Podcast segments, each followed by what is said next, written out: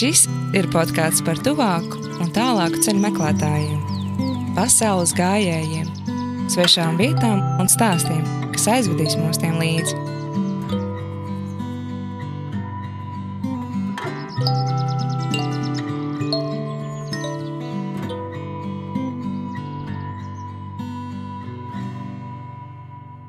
Esiet sveicināti šajā saulainajā dienā!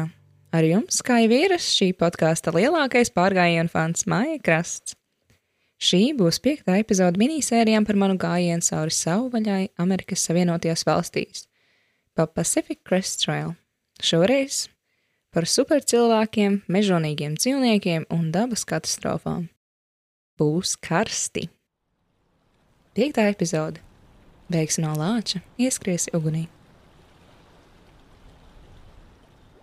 Bija vakars. Nometne bija pie liela dzidra ezera, priedēs ieskaut ar kalnu virsotnēm fonā. Krēsla jau bija nolaidusies par mums, un telti man nācās celt tumsā. Šodien beidzot līja, tāpēc pēcpazienā pāris stundas pavadīju patvērumā pie publiskajām toaletēm, spēlējot kārtas ar citiem gājējiem, kā jau pilnvērtīgi hiker trēšu. Atsākot ceļu, starp neskaitāmiem ezeriem, protams, paspēja arī nomaldīties – Bet tagad tas viss jau aiz muguras un ap stūri gaidīja salds miegs. Īsi pirms iekāpšanas teltī sadzirdēju skaļu bļaušanu un gāju skatīties, kas noticis.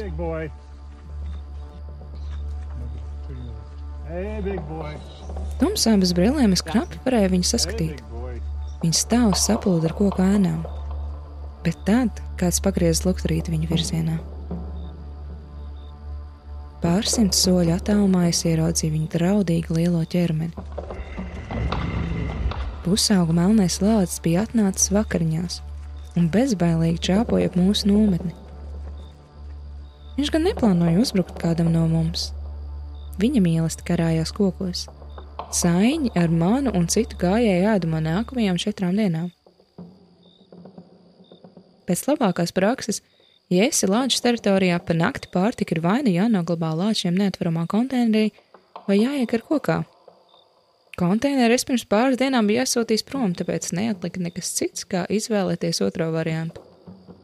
Tā kā iepriekš lācis tik tuvu nebija satikusi, bija paspējis atslābt un ēdiena maize kokā iekāra diezgan pavirši. Bet šīs nakts viesis man nostādīja dilemmas priekšā. Savākt mantiņus, nocelt iekārto ēdienu un naktas tumsā doties tālāk, vai arī iemācīties iekārto labāk un cerēt, ka šis lācis nav labs kokā kāpējs. Es biju nogurusi, un šis bija pēdējais plakanais placīts pirms sniegotas kalnu pārējais, tāpēc sapratu, ka tā vietā, lai riskētu ar savu dzīvību, labāk riskēšu ar pārtiks pazaudēšanu. Par laimi nometnē nakšņā arī mans takis brālis Johainis. Viņš zināja visus labākos mēslus un pieteicās man palīdzēt. Nedaudz nogaidījām, līdz lācis bija pazudis no redzesloka, un devāmies glābt man maltīti.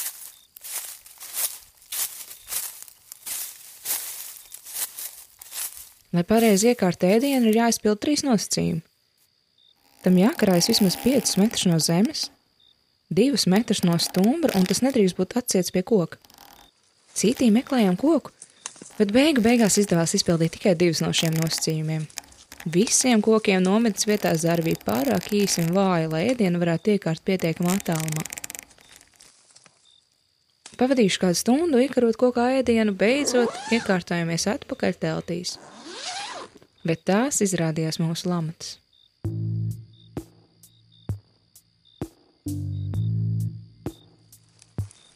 Nepagāja ne piecas minūtes, kad jau sadzirdēju pakaļņu soļus.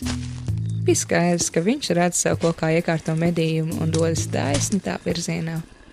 Koks par laimi vai nelaimi atradās diezgan tuvu mūsu teltīm, tā kā šajā izrādē mēs sēdējām pirmajās rindās. Pienācis pie koka lācis sāk ostīt kaisu.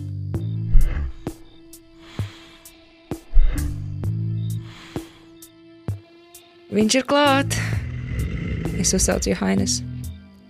Varēja dzirdēt, ka lācis ceļš kājās un mēģina aizsniegt man pārtiks somu. Tad viņš sāk ar saviem garajiem nagiem skrāpēt koku mīzu, kā zinādams, ka maisi parasti ir piesieti pie stumbra.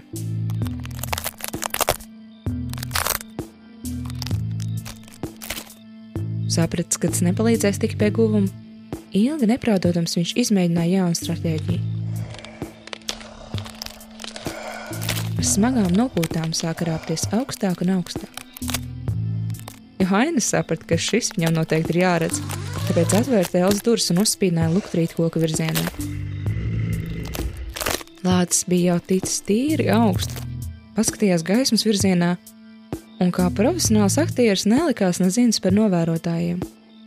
Gaismā bija redzams, cik liels šis lācis ir un cik bezcerīgā situācijā esmu nonākusi.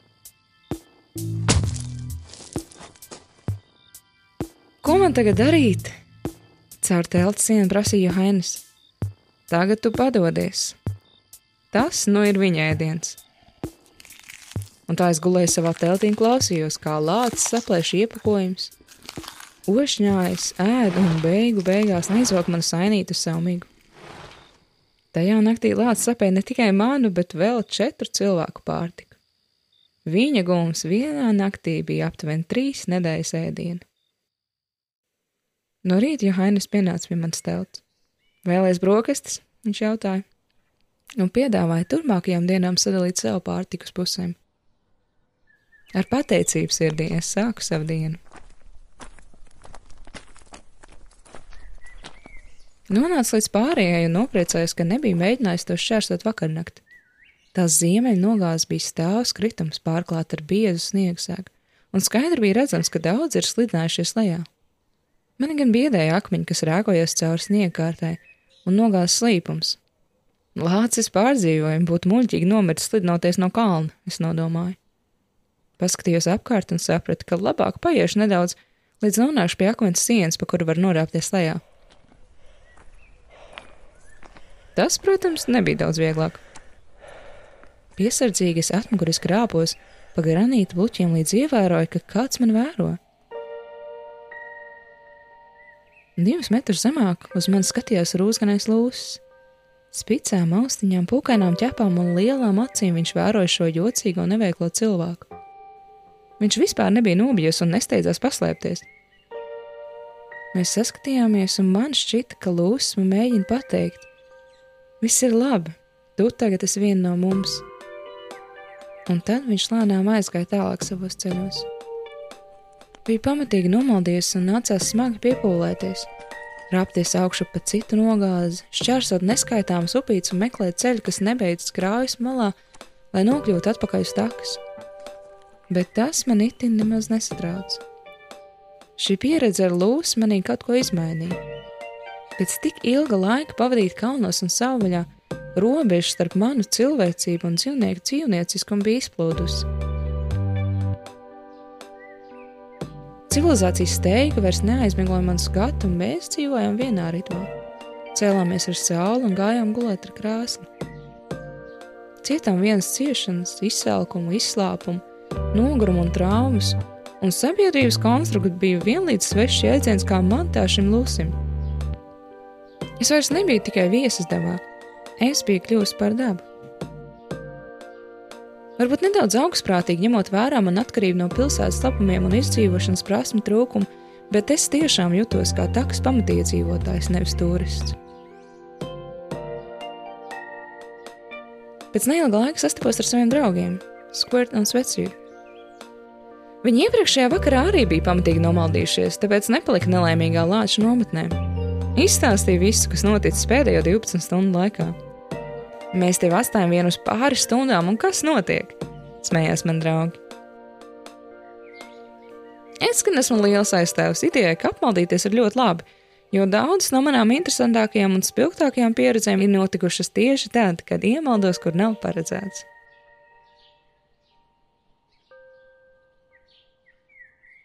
Es biju tikko sākusi Pacific Crest Trail pārgājienu trešo posmu, Ziemeļkaliforniju. Ceļā bija jau trīs mēneši, un es biju kļuvusi par supergājēju. Tā kā visi cilvēki man apkārt bija mērojuši tikpat garu ceļu, uztrenēju ķermeņus un prātus, man pašai nemaz nelikās, ka ir notikušas kādas fiziskas pārmaiņas. Es izskatījos tāpat, kājas dienas beigās bija nogurušas un somi joprojām likās nežēlīgi smagi. Bet attālumi un ātrums, kādos mēs to mērojām, uh, tas gan bija audzis. Lai gan joprojām ceļš gāja caur kalnu pārējām, mums 42 km bija kļuvuši par dienas standartu. Daudzas dienas nogājām pat ap 50. Un joprojām katru vakaru ap sešiem jau bijām nobatnē. Man šī vakara spotiņš. Šāds temps gan prasīja arī ziedošanos. Lai atvieglotu somas svaru, bija aizsūtījis prom visu lieko, kas pārsteidz mainīgs, jo viņu prāt man jau tāpat nekā lieka nebija. Atteicos arī no silta ēdiena. Nevienā ēdienreizē vairs negatavoja, bet tikai aplēja ar augstu ūdeni, ieliku burciņu somā un nogaidīju pāris stundas, līdz ūdens bija uzsūcies. Kas gan var būt labāks kā roltons augstā ūdenī? Jam! Nevienā brīdī gan man šīs augstās ēdienreizes nelikās pretīgas. Šis ēdiens bija nevis bauda, bet degviela, kas tevi ved uz priekšu. Es ne tikai atteicos no silta ēdiena, bet arī no atpūtas pauzēm. Izrādās, ja apstājies piesaist tikai vienu reizi dienā, labā tempā var mērot diezgan iespaidīgus attālumus.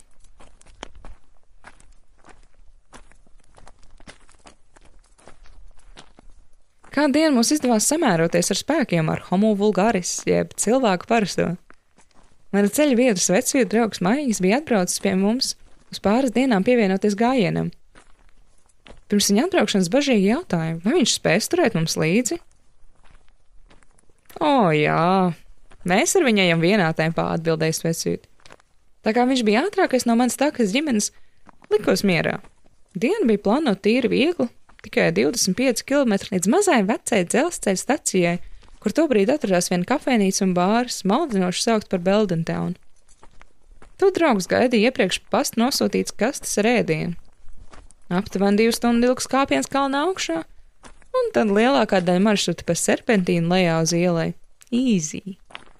Gāja lāvā tempā, Klausoties BBC Earth balss Davida Attenborough grāmatu par to, kā izglābt pasauli. Hello, my name is David Attenborough. Nonākot kalnu virsotnē, pavērās skaists skati pār ielai. Kāpiens lejā, krietni garāks un garlaicīgāks, bet ieslēdz labu mūziku un skaļi dziedot līdz pusdienas laikā jau bija otrā pusē. Visiem bija priekšā, kad iegāja bārā. Tur man gaidīja saldumi, eļļains ēdiens, pingpong un biljardu galdi un citi gājēji. Noskaņojums pacelāts, ķermenis itin nemaz nogurumu nejūt, laiciņš saulains un dzīve burvīga. Pagāja diezgan ilgs laiks, kad no kalna lejā nonāca arī svecjūt ar maiku. Viņš iegāja bārā, apsēdās un izskatījās galīgi pārgurs.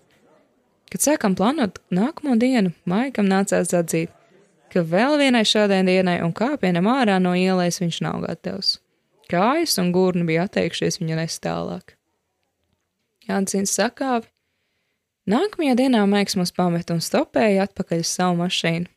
Mēs arī izlēmām paņemt pauzīti un aizbraukt nosvinēt ASV neatkarības dienu 4. jūlijā īstā redneck stilā.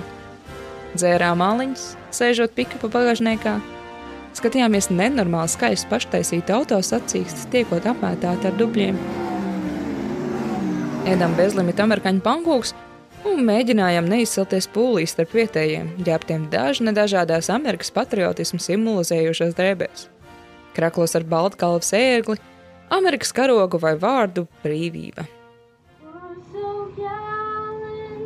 Pie salūta klausījāmies patriotiskas dziesmas par cīnītājiem, kas deva savu dzīvību, lai dotu brīvību.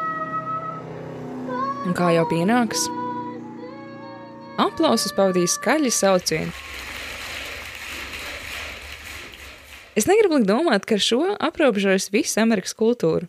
Es speciāli gribēju piedzīvot kaut ko svešu un man nesaprotamu, kā antropologs piedalīties līdzdalīgajā novērojumā bez kritikas vai skepses, bet tīri ar interesi par kultūru dažādību. Es arī atklāju, ka patiesībā nemaz jau tik dažādi mēs neesam. Mēs latvieši varbūt vairāk jūtam, ka paši esam izcīnījuši brīvību, nevis kāds cits to mūsu vietā. Un neesam par to tik bravūrīgi, kā jau mazai valstņai pienāks. Bet arī mums pie pareizajām dziesmām, piemēram, Saula pērkons Daugau dziesmu svētku kopkoru izpildījumā, arī mums noticēs pa patriotismu asarai. Cheesecake, Savu veidu skrējienā arī pagāja Ziemeļkalifornijas posms. Bijām šķērsojuši viduspunktu, tātad nogājuši vairāk kā 2000 km. Bija vasaras vidus un neprātīgs karstums. Iepriekš vismaz pa nakti varēja nedaudz atslābt, tad tagad svīdām kā pa dienu, tā pa nakti. Mēs skrējām nevien tāpēc, ka vienkārši varējām, vai tāpēc, lai ātrāk tiktu uz ziemeļiem, kur bija cerība noķert nedaudz vēsāku gaisa dvēsmu, bet tāpēc, ka bēgām no kādas nelāgas dabas parādības. Ar tās astātajām zīmēm sastapāmies bieži. Absolūts klusums, melni koki, mirusi zeme un pelnu virpuļi. Mūsu taka veda cauri neskaitāmiem kilometriem uguns iznīcinātu mežu. Ilgu laiku pavadījām reģionā, kur pagājušajā gadā plosījās gandrīz miljonu sakru lielais diksiju ugunsgrēks. Lai saprastu mērogu, miljons akri ir aptuveni 13 rīgu izmērā. Mūsu kājas, ekipējums un viss, kam pieskārāmies, bija tik netieši kā vēl nekad. Dažviet viss tiešām bija miris, citu vietu pamazām daba sāk atgriezties. Uz pelēkās zemes ap taku sāka plakt rozā, dzeltens un zils puķītis, kā skaists ziedu paklājs mirušā pasaulē. Tik dzīvi izjūtot uguns postu, mēs bijām ļoti motivēti nesastapties ar to dzīvē. No viena mēs izbrukām tieši pateicoties mūsu ātriem tempam. How you doing? You need a hot dog and a cold drink? Bijām tikko šķērsojuši nākamā štata, Oregonas robežu, kur mūs sagaidīja vesela armija ar takas labdariem un milzu pikniku. Visu, ko viens sirds kāro, sākot ar siltiem rokastu burrito līdz ledus augstam arbūzam un svaigām bulciņām. Sabraukuši ar vairākām mašīnām, viņi bija ieplānojuši pavadīt savu brīvdienu, sveicot gājējus savā štatā. Uzreiz sapratām, ka Oregona mums noteikti patiks, un te dzīvo visjaukākie cilvēki. Šāds notikums, protams, prasīja nopietnu pauzi. Viena pēc otras parādījās gājēju grupiņas un iesprūda šajā mīlestībā. Sarunās citi gājēji mums nodeva ziņu, ka ielā, kur bijām bijuši labi jau pirms nedēļas, ir iespējas zibens un sācies ugunsgrēks. Pa sausajiem saulē izkaltātajiem mežiem uguns ceļoja tādā ātrumā, ka tiem, kas ir aiz muguras, uz takas palikt ir bīstami, un steidzami ir jāevakuējas.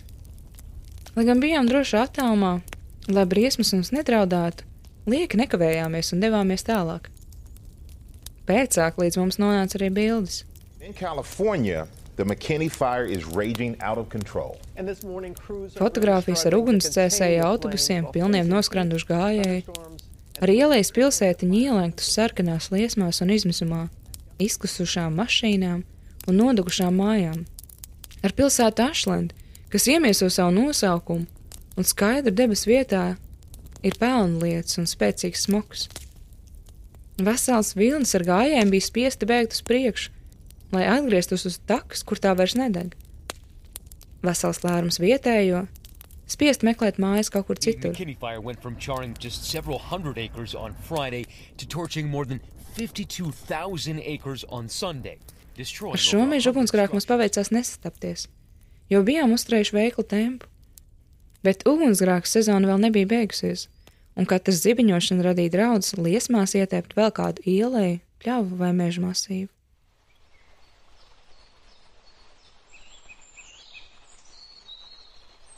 Es pamodos pirms visiem citiem, vienā no skaistākajām nometnēm. Mēs bijām Oregonas vidienē, Tilsena kalna pakājē. Rīta saule austrumos rotāja kalna spīts, pavisam tuvu no mums. Rietumos atradās biezu egļu audz, pa vidu pļaviņu, kurā bijām sacēluši telts, un ap to vijās kalnu upīte ar maziem ūdenskritumiem.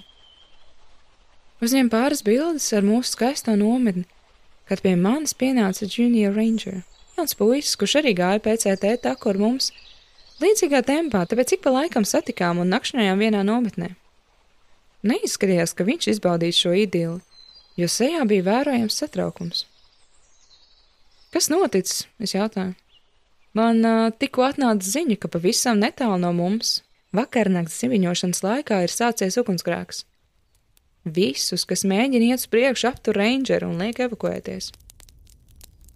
Nav tā, ka pagājušajā naktī būtu bijis milzīgs negaiss. Pāris zibeņi, pavisam mazs lietiņš, bet šeit ar to bija pietiekami. Mežos uz zemes bija sakrājies biezs slānis ar izkaltušiem kokiem, krūmiem un skujām, kas sausajos apstākļos kļuva par labāko kurināmo. Kad tas aizdegs mazu ugunsgrēku vietā, mēs sastopamies ar liesmām, kas ir tik spēcīgas, ka iznīcina ne tikai kurināmo, kas sakrit uz zemes, bet visu apkārt, kas nav akmeņu vai smiltis. Tas burtiski sterilizē augsni. Pamodināja draugus un nodeva sliktās ziņas. Mums bija jādodas atpakaļ, un piespiedu kārtā jāatgriežas civilizācijā. Paskatoties kartē, sapratām, ka pāris dienu gājienā aiz aktīva ugunsgrēka ir arī slēgtais posms, kur ugunsgrēks ir bijis pāris gadus iepriekš, un šobrīd taka tiek restaurēta. Tāpēc nolēmām, ka vislabākais lēmums būtu stopēt visam šim hausam apkārt.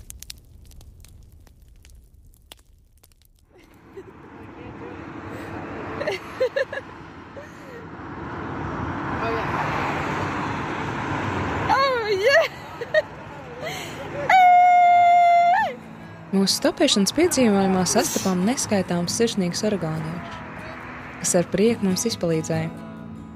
Braucām kopā ar takas veterānu, kas tūkstneša sausākajos posmos veda ūdens cisternas kājējiem, un tagad bija pārbraucis pāri pusi Amerikai, lai palīdzētu tiem bēgt no ugunsgrēkiem. Un enerģiski jaunieti, kas tikko bija nopircis sev jaunu mašīnu, svaigi no salona un ar dzīvesprieku to iesvētīja ar pāris netīru gājēju palīdzību arī mammu, kur savai meitai bija apsolījis, ja redzēs PCT gājējus, noteikti tiem izpalīdzēs, jo tagad saprotot, cik neatņemamu lomu šajā pārgājienā ieņem šoferi, kas var aizvest līdz civilizācijai. Braucam busiņā ar profesionāliem ultramaratonu skrējējiem, kas sūdzējās, ka viņu bērni uzskatot, ka vecāki ir traki izvēlēties šādu nomadu dzīvi. Kāds cits mūs pat izmitināja savā pagalmā un aizveda ekskursijā pa vietējā reģiona episkākajām vietām. Pāris dienu laikā pavadījām laiku ar tik daudz jaukiem, dāsniem un pašaizliedzīgiem ļaudīm. Un pat nedaudz priecājāmies, ka sanāca iepazīt šo reģionu caur vietējo stāstiem. Bija savādi un aizraujoši pārvietoties tik ātri, bet pēc dienām pavadīt uz lielceļiem, pilsētās un drūzmā nebija labākas sajūtas, kā atrasties atkal mežā. Atgriežoties uz takas, man sagaidīja mieres putnu čivināšana, priežu sveķu smarža un mani soļi, slēpēti augstlīgajā augsnē. Šo visu pārdzīvojot, man ir tik grūti noskatīties, kā mēs, cilvēki, sabojājam savu. Mūsu šoseis pārgriež meža zvēru dabiskās teritorijas, un tik bieži sanāk redzēt nobrauktas cilvēku ceļmalās. Mūsu pilsētas, un visur esošie atkritumi lapsām, lāčiem un citiem atjautīgiem zvēriem parāda, ka ēdiens var būt pavisam pieejams, ja vien pārstāj izvairīties no civilizācijas. Līdz viņus, kā cilvēkam bīstams nošai. Ilgi pēc tam gremdējos pārdomās, kā ar savu milzu enerģijas un resursu patēriņu mēs neatgriezeniski mainām klimatu uz mūsu mīļās pasaules. Pilsētās no šīm pārmaiņām varbūt izbeigt ir vieglāk var paslēpties kondicionētā dzīvoklī un ar laikapstākļiem pat nesastapties. Ja pārvietojas no vietas uz vietu savā ērtajā mašīnā, bet agri vai vēlu, ikvienam no mums nākas sastapties ar atklāsmi, ka kaut kas dabā mums apkārt ir krasi mainījies, un ne uz to labo pusi. Agri vai vēlu, ikvienam no mums būs jāatzīst, ka šis ērtais, komfortā un patēriņā balstītais dzīvesveids ved mūs pretim katastrofai. Ja ne mūs, tad savais dzīvniekus, neskartot dabu un tos nelaimīgos, kas nedzīvo ziemeļa reģionos.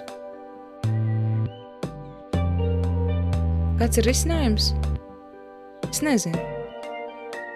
Vienīgais, ko skaidri zinu, ir, ka mēs necenšoties un saraujot attiecības ar dabu, mēs paliksim zaudētājos.